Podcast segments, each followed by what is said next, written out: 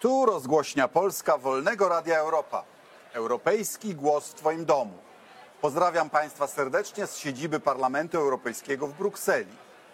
Tutaj, tak jak i w Polsce, mówimy o stanie demokracji i dlatego dzisiejszy gość jest bardzo ważnym świadkiem tego stanu, bo pan ambasador Jerzy Pomianowski jest szefem wykonawczym Europejskiego, Europejskiej Fundacji na Rzecz Demokracji. Witam serdecznie.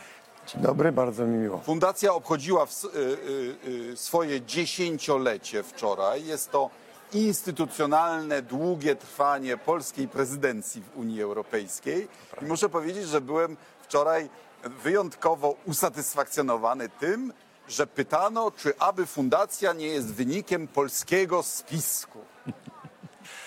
No jest, oczywiście trochę jest. E, Po pierwsze polska prezydencja, po drugie jednak e, polski minister spraw zagranicznych, szwedzki minister spraw zagranicznych i niemiecki minister spraw zagranicznych byli tą wiodącą siłą, która doprowadziła do powstania e, takiej fundacji.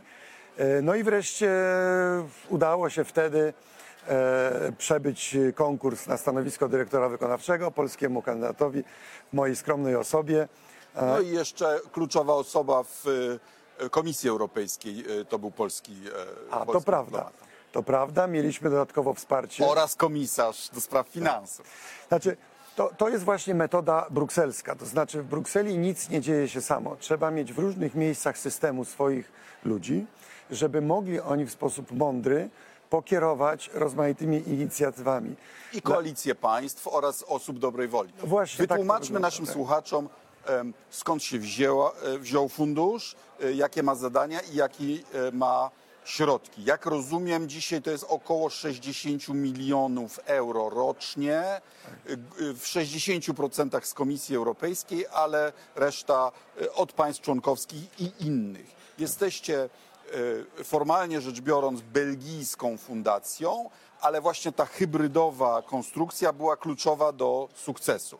Ja wczoraj opowiadałem, skąd się wziął pomysł. Pomysł wziął, się z wizyty e, w Bengazji, w Tunisie podczas e, wiosny arabskiej i miała to być instytucjonalna realizacja no, trochę idei pomocy podziemnej solidarności, prawda?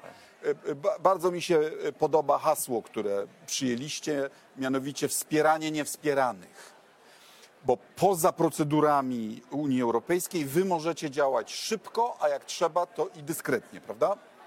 To hasło zresztą jest e, taką ładną transformacją e, słynnego hasła Havla siła bezsilnych. Wspieranie niewspieranych, czyli tych, którzy mają trudność e, ze zwróceniem czy z uzyskaniem szybkiej pomocy. I to jest ta proceduralna elastyczność. Ale wracając do samego powstania e, Europejskiego Funduszu na Rzecz Demokracji, angielska nazwa European Endowment for Democracy, która zresztą jest kopią amerykańskiej organizacji o podobnej nazwie National Endowment for Democracy, która w latach 80. wspierała polską e, Solidarność. Więc to rzeczywiście jest takie bezpośrednie nawiązanie do pewnego modelu, ale oczywiście inaczej skonstruowane, bo e, Unia Europejska jest organizmem wielu państw. I tu wracamy do tego modelu, e, który znowuż opisywany jest hasłem hybrydowa odpowiedź na hybrydowe zagrożenia. E, I tu niejako, zanim jeszcze te hybrydowe zagrożenia zostały zdefiniowane, my już byliśmy taką hybrydową organizacją w 2013 roku. Zarejestrowani jako fundacja na prawie belgijskim, co zresztą nie było przesądzone od razu. Przypomnę Ci, że e, e, jako minister optowałeś, żeby jednak siedziba była w Polsce. A ja wtedy A na sugerowałem... koniec było w y, budynku polskiej ambasady. Tak jest. A ja wtedy sugerowałem, że może lepiej być bliżej instytucji, bo zawsze to pozwoli utrzymywać tą bezpośrednią łączność na co dzień, co zresztą znakomicie się potwierdziło, dlatego że wiele, zna, wielu z naszych beneficjentów e, często e, e, przy naszej pomocy przybywa tutaj do Brukseli, czy z Ukrainy, czy z Mołdawii, czy z Białorusi, czy z Gruzji, żeby bezpośrednio brukselskim urzędnikom powiedzieć prawdę, jak dzisiaj jest bo czasem ten e, nasz tu brukselski bąbel e, żyje swoim życiem i nie zawsze ta informacja o tym, jak jest rzeczywiście tam na miejscu, dociera wystarczająco szybko. I my mamy również ten przywilej, że przekazujemy, jesteśmy takim speed telegramem, który przekazuje informacje na bieżąco tutaj, jak sytuacja wygląda, bądź jak się gwałtownie zmienia.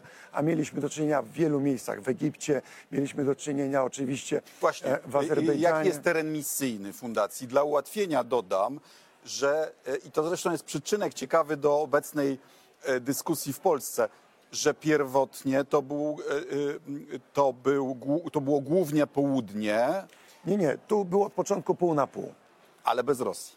ale bez Rosji. Dlaczego? Partnerstwo wschodnie Tak jest. i e, sąsiedztwo południowe. To były dwa pierwsze regiony, w których EED e, była wyznaczona do działania.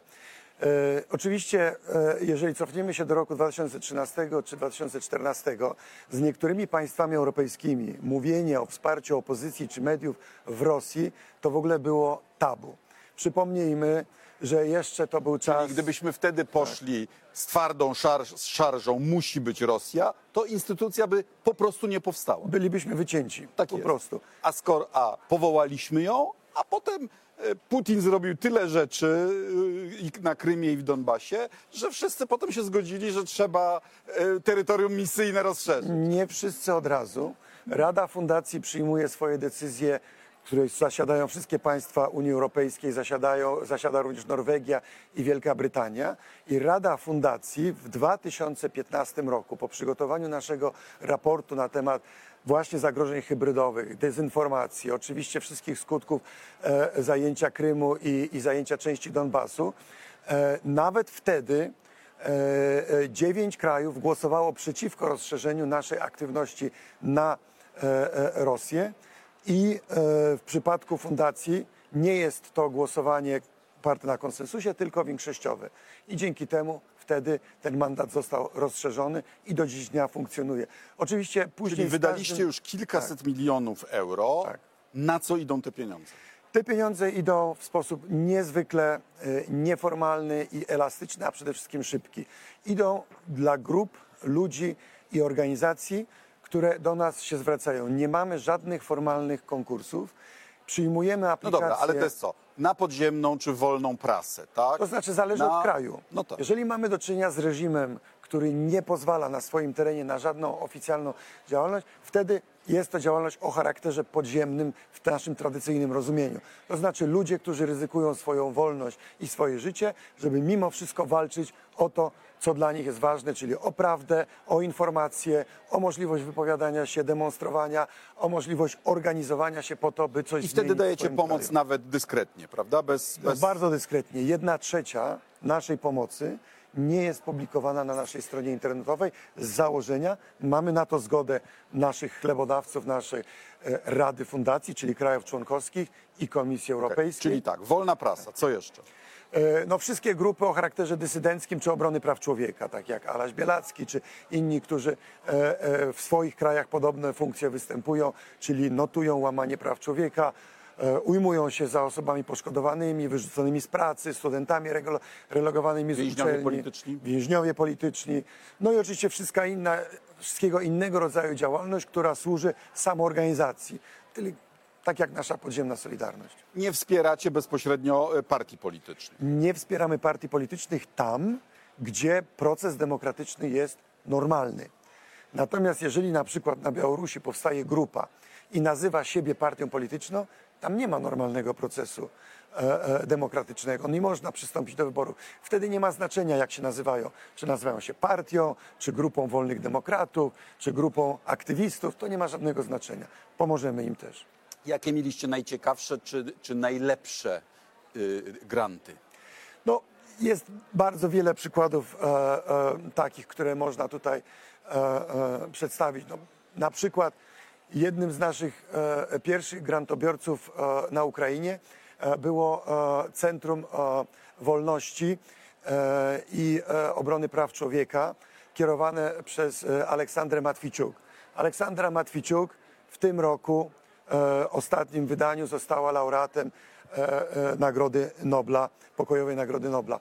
No to jest dla nas oczywiście ukoronowanie i taki przykład. Takich oczywiście aktywistów Wypowiadała się typu, też wczoraj redaktor y, kijowskiej Gazety Niezależnej. Tak, a to zupełnie innego rodzaju ciekawa historia, właśnie pokazująca, gdzie szybkość działania daje tą niesamow- niesamowitą jakby możliwość oddziaływania. Była w Kijowie gazeta, która nazywała się Kijew Post. Angielskojęzyczna gazeta, która dostarczała informacje po angielsku dla ludzi zainteresowanych Ukrainą. Przyszedł oligarcha, wykupił tą gazetę i w tym momencie cały zespół, jakby cały dosłownie, 40, 40 dziennikarzy, techników i wszyscy powiedzieli nie, ponieważ oligarcha powiedział teraz ja będę dyktował, co będziecie publikować, a co nie będziecie publikować. Zwrócili się do nas o pierwszy grant, chcemy założyć nową gazetę. To był jeszcze 2021 rok, jeszcze przed, przed e, rosyjską pełnoskalową agresją. Dostali ten grant, założyli redakcję, zaczęli funkcjonować. Wybuchła wojna, okazało się, że stali się najlepszym źródłem anglojęzycznej informacji o tym, co się dzieje. Ich słupki urosły w mgnieniu oka, a to wszystko było możliwe, że byli w stanie się zorganizować w ciągu dosłownie kilku tygodni i dostali od nas grant dosłownie w ciągu trzech tygodni od momentu, kiedy wyszli ze swojej pierwotnej e, organizacji, a oligarcha został z nazwą i z kwitkiem bez zespołu. Masz przegląd tego, co się dzieje w sąsiedztwie Unii Europejskiej. Jakbyś, po- jaki powiedziałbyś jest stan demokracji? Bo na przykład z danych Freedom House wynika, że niestety, tak jak w latach 90. czy 2000, ilość państw demokratycznych i liczba ludzi żyjących w demokratycznych państwach rosły, to teraz chyba nie rosną. Tak, obraz nie jest, e, nie jest dobry e, i tutaj można by powiedzieć, no cóż, działacie Państwo 10 lat i jest coraz gorzej. E, no i tak i nie. Jeżeli wyobrazimy sobie, jak mogłaby wyglądać Ukraina bez społeczeństwa obywatelskiego, bez tłumu wolontariuszy, bez ludzi świadomych tego, czym jest moja wolność, którą teraz Rosjanie To jest nam- dokładnie to, co ich odróżnia od Rosjan, prawda? Dokładnie tak. Te inwestycje, które zostały zrobione w społeczeństwo obywatelskie, w uświadomienie ludzi, jakie są ich prawa, to są inwestycje, które nigdy nie przepadają. Może pojawić się despota, może pojawić się dyktator, który próbuje to w jakiś sposób obalić. Zawsze chwilowo zdobywa przewagę, bo siła, brutalność, populizm przez moment wygrywają Przekupstwo. przekupstwa, ale tylko przez moment. I e, to jest właśnie to właściwe rozumienie długofalowej inwestycji w społeczeństwa, w społeczeństwo obywatelskie, w wolną prasę, w media. Jeżeli będziemy to widzieć z tej perspektywy długofalowej, to będziemy widzieć rezultaty. Ale nigdy nie jest to proces linearny. Są górki i dołki. W tej chwili jesteśmy w pewnego rodzaju dołku, ale również jak spojrzymy na historię... Arabska wiosna jednak okazała się rozczarowaniem. Nie? Nie do końca również. Trzeba też No. na to patrzeć w sposób właśnie nielinarny. E, e, Liban dzisiaj jest w potwornym kryzysie, ale jednocześnie jest ogromna grupa młodych ludzi, którzy chcą zmienić e, ten kraj. Ale spójrzmy na Białoruś. Do 20, dwa- dwa- 2020 roku wszyscy eksperci, jak ich znamy, tych samych z rozmaitych think tanków, mówili apatia, społeczeństwo niegotowe do zmian, właściwie nasze inwestycje w społeczeństwo obywatelskie nic nie dają, wspieranie wolnych mediów nic nie daje. A dzi- ale I co? dzisiaj, no. 2020, no nie, ale w 2020 roku przebudzenie, przebudzenie Białorusi, setki tysięcy ludzi au- na ulicach nie byłoby Ile to? możliwe. Dwa, dwa i pół tysiąca więźniów politycznych. Tak, i to jest właśnie, i to jest właśnie to pytanie. Jeżeli przyjmiemy prosty, proste kryterium, liczba więźniów politycznych, w kraju A nie było więźniów politycznych. Zaczęliśmy wspierać wolne media, zaczęliśmy wspierać działaczy i teraz 10 jest. No czyli regres. No nie, bo właśnie pojawiły się osoby dzięki temu wsparciu, dzięki uświadomieniu e, ich praw, ich możliwości, że im nie jest wszystko jedno. Wyobraźmy sobie Polskę, gdyby nie było ludzi podziemnej Solidarności, gdyby nie było stanu wojennego, gdyby komuna realizowała sobie swoją misję bez żadnego sprzeciwu społecznego. Gdzie bylibyśmy dzisiaj? Masz ten przegląd, więc zadam następujące pytanie. No bo martwię się o stan demokracji w Polsce. Jest ona przedmiotem krytyki i instytucji europejskich, i Komisji Weneckiej, i Rady Europy. I, I oczywiście się mówi, że u nas e, media są przejmowane przez Orlen, tak jak w Rosji przez Gazprom, prawda, że idziemy drogą Orbana, Erdogana i tak dalej. Ale de facto to ci wszyscy zamordyści mają bardzo podobne metody wszędzie, prawda? No, trójpodział władzy, czyli to, że się władze na, nawzajem kontrolują, o, oznacza, że nikt nie ma władzy absolutnej, no to co trzeba zrobić? Trzeba przejąć te pozostałe, trzeba przejąć, e, władza wykonawcza przejmuje władzę ustawodawczą, to się zdarza, no ale jeszcze, e, jeszcze władzę sądowniczą, prawda? To, to, to, jest przez stały repertuar, dość nudny, jest, tylko e, zło, zawsze złowrogi. To jest ogromny, ogromny problem we współczesnym rozumieniu demokracji. E, wszyscy teoretycy, znawcy i e, analizujący dogłębnie problem demokracji dzisiaj wiedzą i mówią jedno. Po pierwsze, demokracja to nie wybory. To nie, Nie, tylko nie wybory. tylko To wybory. nie tylko wybory. To ekosystem konkurencyjnej polityki. To jest w sferze politycznej, ale w sferze istoty obrony państwa i obywatela to są instytucje. Instytucje, jak przyglądamy się na przykład Stanom Zjednoczonym, muszą być stabilne, muszą cieszyć się szacunkiem i muszą być oparte na kompetencji, a nie na woli politycznej. Jeszcze więcej.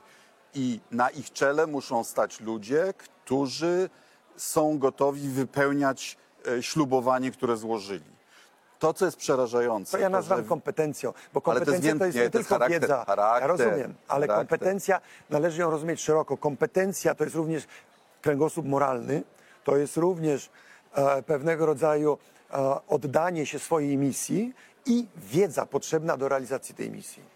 w większości systemów wystarczy, że około 2-3 tuziny ludzi zamiast wykonywać swoją konstytucyjną rolę, podporządkowują się woli jakiegoś guru politycznego, wystarcza, żeby podminować demokrację. Jeżeli to wystarcza, to znaczy, że te instytucje były źle skonstruowane, bo również instytucje muszą być tak skonstruowane, że szef instytucji nie decyduje o wszystkim. One również są piramidą zbierającą procedury i posiadającą procedury. To jest kwestia prokuratora. Nie tylko prokurator generalny, każdy prokurator musi być równie odpowiedzialny za swoją misję, jak osoba stojąca na czele. Każdy szef instytucji, która jest na straży demokratycznych wartości, musi wiedzieć, że on sam jest strażnikiem procedur, ale nie wyłącznym decydentem. I to jest e, największe zagrożenie demokracji, i to mówię do polityków, którzy mają szansę wygrać wybory w Polsce, że przejmując instytucje i będąc decydentem politycznym, zechcieli nie ulec tej bardzo naturalnej chęci, teraz my zarządzimy wszystkimi instytucjami. Przywrócić rangę instytucjom, przywrócić rangę procedurom, które w nich obowiązują, to jest największe zadanie prawdziwych demokratów. Demokracje mogą się ostać, jeśli wystarczająca proporcja obywateli ma wystarczające pojęcie o tym, jak instytucje działają i chce utrzymać system. Jeśli się dadzą pociągnąć populistom, to trwanie demokracji nie jest gwarantowane. Nie, demokracja po pierwsze nie jest stanem, jest procesem. Czyli nie można jej osiągnąć. Można ją Przekonali cały... się o tym nawet Amerykanie. Tak jest. Można cały, można i trzeba cały czas ją robić. Natomiast nie można po prostu ją zaliczyć i powiedzieć odhaczone, mamy demokrację. To jest najtrudniejsze w demokracji, ponieważ demokracja również oznacza pewnego rodzaju niepewność. Ale niepewność, I która potrzebuje właśnie... świadomych obywateli. Tak, ale niepewność, która musi być kompensowana stabilnością instytucji. Znaczy wiem, że jak idę do sądu, jak idę do prokuratury, jak idę do wolnej prasy, to tam obowiązują pewne reguły, których nikt Okej, nie złamie. Polsce już nie, nie y, y, regulują. Do 10 lat temu nigdy nie zadawałem sobie pytania, czy ten sędzia jest pisowski czy europejski. Dzisiaj to jest pierwsze, co każdemu Polakowi przychodzi do głowy. Co to oznacza? Że odarto wymiar sprawiedliwości z domniemania bezstronności. Zbrodnia. No niestety w momencie, kiedy instytucje stają się moje albo twoje, demokracja się kończy. I to nie jest tylko w Polsce, prawda? Znaczy, to jest takie wtedy y, przejęcie instytucji przez plemiona polityczne, prawda? I to jest to największe zagrożenie. I tego ja osobiście boję się najbardziej. Wygrana w wyborach, jeżeli będzie oznaczała, że teraz my przejmujemy instytucje, a nie odbudujemy ich re, e, e, reputację, to to jest zagrożenie dla polskiej demokracji w, długim, w długiej perspektywie czasu. Tylko wracając do, do sąsiedztwa, no to co zrobić w sytuacji takiego Egiptu, tak? gdzie był autokrata, zrobiono rewolucję, zastąpił go kolejny autokrata i mamy, mamy ta, taki niekończący się cykl prób demokratyzacyjnych, modernizacyjnych, które się kończą fiaskiem. Dlaczego niektórym krajom się nigdy nie udaje? No na to pytanie nie ma prostej odpowiedzi. Sami, ci sami aktywiści, którzy wyszli na plac Tahrir, którzy zrobili e, e, rewolucję e, w Egipcie, powiedzieli, nasza rewolucja została nam ukradziona. Co oni mieli na myśli? E, Oczywiście w momencie, kiedy powstaje pewien wiatr historii, a on zawsze co kilka czy kilkanaście lat powstaje, są ludzie, którzy cynicznie grają na tych uczuciach, by tylko i wyłącznie zrealizować swój interes biznesowy bądź polityczny. I tak było to w Egipcie. Tak samo jak rewolucja godności ukraińska, ta przedmajdanowa był w 2004 roku, też została przejęta przez oligarchów, prawda? Z tym wyjątkiem, że jednak to społeczeństwo obywatelskie, a szczególnie okres Wolna między prasa. pomarańczową rewolucją, tej wolnej prasy nie było tak dużo, ale okres pomiędzy pomarańczową rewolucją a rewolucją godności już był okresem kumulowania się doświadczeń młodego pokolenia, które mówiło, my coś zrobimy. W Egipcie problemem był taki, nazwijmy to umownie, stabilizator dyktatury czy autokratycznego systemu, który nie został naruszony przez protesty. Armia. Armia egipska zawsze funkcjonowała jaki taki punkt, jako taki punkt odniesienia dla każdego dyktatora. Dyktator, który przejmował kontrolę nad armią, przejmował kontrolę nad Egiptem. I tak dokładnie się stało. W związku z tym, dopóki protesty i dopóki żądania stojące za tymi protestami nie dotyczyły zmiany tego paradygmatu, to wszyscy eksperci mówili, nie uda się ten proces demokratyzacyjny. Jakie sobie stawiacie cele na następne 10 lat działania? No teraz jesteśmy w bardzo trudnej sytuacji. Kiedy zaczynaliśmy, mieliśmy tę, ten wielki przywilej bycia nową inicjatywą, której wszyscy dawali pewien kredyt zaufania, róbcie, co uważacie i tak dalej. Teraz wszyscy już od nas czegoś oczekują.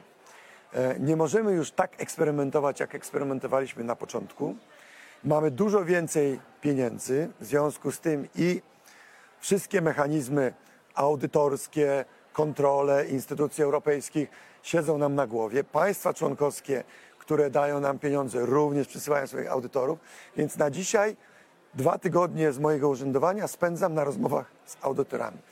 Oczywiście możemy ująć to w taki sposób troszeczkę humorystyczny, ale prawdą jest, że im bardziej e, rośnie reputacja organizacji, tym więcej obowiązków, również tych technicznych, na nas spada. Mamy również pewien problem z komunikowaniem się co do naszych rezultatów, ponieważ 30% naszych inicjatyw to są inicjatywy zakryte dla publiczności. E, Nawet tu w Parlamencie Europejskim nie możemy otwarcie o nich mówić, bardzo dobrze. bo jeżeli powiemy, to ci ludzie pójdą siedzieć. W związku z tym jest zawsze to pytanie, a właściwie na co idą te pieniądze. Więc cały czas pracujemy bardzo mocno, e, również poprzez poufne rozmowy z różnymi stolicami, czy to będzie Londyn, e, czy to będzie Paryż, Warszawa, Berlin, czy Sztokholm, gdzie wyjaśniamy, co robimy. I jak na razie ten mechanizm działa. Ale oczywiście to jest również ogrom pracy takiej dyplomatycznej, którą musimy e, realizować. Więc to są wszystko nasze dzisiejsze obciążenia, a ambicje coraz większe. Mówimy coraz częściej o tym, że urośliśmy na Rosję, urośliśmy na Azję Centralną, urośliśmy też z programami na Bałkanach Zachodnich. W tej chwili kraje mówią, a może Afryka Subsaharyjska, tam się bardzo źle dzieje a może również powoli zaczęliście mówić o Ameryce Łacińskiej. Nasi transatlantycy partnerzy z drugiej strony Ameryki, z którymi mamy bardzo dobry kontakt i bardzo bieżące konsultacje we wszystkich sprawach, od Ukrainy, Białoruś przez Egipt, mówią, dlaczego nam nie pomagacie w Ameryce Łacińskiej. National Endowment for Democracy, amerykański nasz odpowiednik, z którym jesteśmy zaprzyjaźnieni, chcemy was również w Azji. Jeżeli razem współpracujemy, Hola, hola. no właśnie, jeżeli razem Ja współpracujemy, uważam, że po pierwsze sąsiedztwo. no tak, ale trzeba ich też zrozumieć. Mówimy już nie tylko o inicjatywie lokalnej. Unia Oni mają parę Europejska, razy większy budżet. Nie? tak, Ale jeżeli popatrzymy na alokację Unii Europejskiej na pomoc ogólną, rozwojową dla tych krajów, e, to tam Unia Europejska i Stany Zjednoczone są równorzędnymi partnerami. W związku z tym oni pytają, dlaczego wspieracie demokrację tylko w swoim otoczeniu? Dlaczego nie wspieracie demokracji również tam, gdzie to jest dla nas ważne? My dajemy pieniądze na Ukrainę. Dlaczego wy nie dajecie pieniądze na Wenezuelę? Bo, bo będziemy śledzić, jak Ameryka robi to y, ta, z takim sukcesem jak do tej pory. Tak, to prawda, ale również i to jest powód, dla którego mądrzy ludzie w Stanach mówią, chodźcie z waszą metodologią. Jest wielu aktywistów. Paradoksalnie, znaczy Polska czy Unia Europejska nie ma tego bagażu Dokładnie kolonialnych Dokładnie e, tak. interwencji i w związku z tym jest bardziej wiarygodna, Tak prawda? jest. I oni wręcz chcą, żebyśmy tam byli właśnie dlatego, że my przynosimy większą neutralność. Nie powodujemy pewnego takiego wewnętrznego oporu wielu, szczególnie lewicowych ruchów prodemokratycznych w Ameryce Łacińskiej, które powiedzą, amerykańskich pieniędzy nie weźmiemy. Bo pamiętają błędy i wypaczenia po stronie amerykańskiej ze znanych nam e, lat 70. czy 80. W związku z tym to jest cały konglomerat tematów, nad którymi nie możemy dziś przejść obojętnie. Musimy zacząć o nich myśleć. Nie mówię, że to się stanie jutro, bo czy jutro, czy pojutrze naszym priorytetem będzie sąsiedztwo europejskie. Ale już dziś ta rozmowa się toczy i właśnie z okazji naszej dziesiątej rocznicy te tematy były podnoszone przez naszych udziałowców, czyli przez państwa członkowskie, szczególnie przez te duże, Wielka Brytania, e, Niemcy, e, państwa nordyckie bardzo często o tym wspominają i szukają nowych otwarć. Więc tu rzeczywiście mamy już projekty w Sudanie, są pytania o Iran, który jest jeszcze nie tak daleko od Europy i jest dla nas ważny. W związku z tym e, te tematy będą nam towarzyszyć w najbliższych latach. Spotkaliśmy się w MSZ. Byłeś ambasadorem w Japonii. Y, Wizytowałem placówkę. Gratuluję projektu architektonicznego i, i, i jej modernizacji. Y, Przydała się podczas e, wizyt kolejnych naszych prezydentów, prawda? Byłeś też dyrektorem generalnym Ministerstwa Spraw Zagranicznych. Jakbyś porównał pracę w, w naszym MSZ z pracą tu w Brukseli? No po pierwsze w Brukseli pracuję w NGO-sie. Nie noszę krawata, funkcjonuję zupełnie w innym środowisku, ale ta Ale otoczka- lekko z azjatycka, prawda? Bo masz sześć dan w Aikido. Aikido to moje hobby, oczywiście e, e, ważne. E, akurat obecnie pełnię również funkcję e, prezydenta Europejskiej Federacji Aikido. Takie zobowiązanie, żeby czas wolny poświęcić też na, na niektóre te e, tematy poza czysto takie polityczne. Ale wracając do otoczenia. E, Na pewno klasyczna dyplomacja bardzo przydaje się tu w Brukseli, bo jak wspominałem wcześniej, to hybrydowe rozwiązanie, jakim jest Europejski Fundusz na Rzecz Demokracji, wymaga ogromnej dyplomacji, wymaga relacjami ze stolicami, z dyplomatami, wymaga przygotowywania dokumentów tak, jakbyśmy byli jakimś ONZ-em czy Unią Europejską, bo oni oczekują podobnego formatu, podobnego typu raportowania, podobnego typu podejmowania decyzji. W związku z tym tu rzeczywiście mogę powiedzieć, że takie proste przeniesienie doświadczeń z MSZ-u e, bardzo się przydało. Natomiast jeśli chodzi o to, co nazywa się strukturą zarządzania, czyli wykonywaniem pewnych zadań, jest zupełnie inne. E, moi pracownicy rekrutują się ze środowisk NGO-sowych. Oni wykonują zadania inaczej. Ich trzeba przekonać do pomysłu, do sposobu działania. Ja w MSZ też trzeba było przekonać. Ja pamiętam No. różnicę między byciem ministrem obrony a ministrem spraw zagranicznych. W MON minister zdecydował, lepiej, gorzej próbują wykonać. W MSZ decyzja ministra to jest zaproszenie do dyskusji o tym, czy to jest dobry pomysł. To prawda, ale też jeżeli to zrobimy ten krok dalej, to w tym środowisku NGO-sowym powiedzmy to, że sformułowanie decyzji jest początkiem zaprzepaszczenia tematu. W związku z tym należy najpierw otworzyć dyskusję i spowodować, że decyzja zostanie sformułowana wspólnie. Więc jakby zupełnie inny model, taki bardziej właśnie konsensualny, pewnego rodzaju negocjacyjny model, którym trzeba ludzi zapalić do działania i wtedy oni są gotowi poświęcić dzień i noc na implementację danego To teraz projektu. jeszcze powiedz na koniec, jak ci y, y, pod, pod nogi kłody rzucają ci Niemcy, którzy są dzisiaj obiektem e, e, różnych dziwnych wypowiedzi w Polsce. Grupa Wagnera, grupa Webera, na, pe, na pewno niszczą wszystkie twoje świetne pomysły. No, niestety Niemiec stoi na czele Rady Fundacji. I przypomnijmy, że nie, y, inny Niemiec, y, hrabia Lambsdorff, był bardzo pomocny przy założeniu fundacji. Co gorsza, nie wiem, czy już e, jakiegoś stryczka na szyję sobie nie e, e, e, kręcę, ale jesteśmy jako fundacja przedmiotem tylko jednego zapisu politycznego wśród państw Unii Europejskiej, a mianowicie niemiecka umowa koalicyjna między Zielonymi a SPD zawiera na 152 stronie zapis, że obecny koalicyjny rząd niemiecki będzie wspierał Europejski Fundusz na Rzecz Demokracji. Taki zapis tam naprawdę istnieje. Niemcy wspierają polski spisek. Mało tego, w związku z tym zapisem podwoili swoją finansową kontrybucję coroczną, która w tej chwili jest jedna z największych obok brytyjskiej e, kontrybucji. E, w związku z tym. Wystarczy. Tak. A chcę powiedzieć na swoje usprawiedliwienie, że e, za ostatnie dwa lata e, z Polski otrzymaliśmy e, milion euro dotacji, a projekty, które umiejscowione w Polsce, białoruskie i ukraińskie, otrzymały łącznie od nas ponad 5 milionów euro. Zatem jeżeli tylko zapłacili podatki w Polsce i wpłacili na ZUS, to budżetowo już to, już to była neutralna dotacja. Czyli offset 500% to chyba nieźle. Wow. Serdecznie gratuluję dziesięciolecia. Życzę sukcesów na kolejne 10 lat. Panie ambasadorze, y, dziękuję za rozmowę. To był ambasador Jerzy Pomianowski, Europejski Fundusz na Rzecz Demokracji. To była rozgłośnia Polska Wolnego Radia Europa. Europejski głos w Twoim domu. Jeśli się Państwu podobało, to proszę o lajkowanie, podawanie dalej, subskrybowanie mojego kanału na YouTubie. Dziękuję bardzo. Do zobaczenia. Dziękuję bardzo.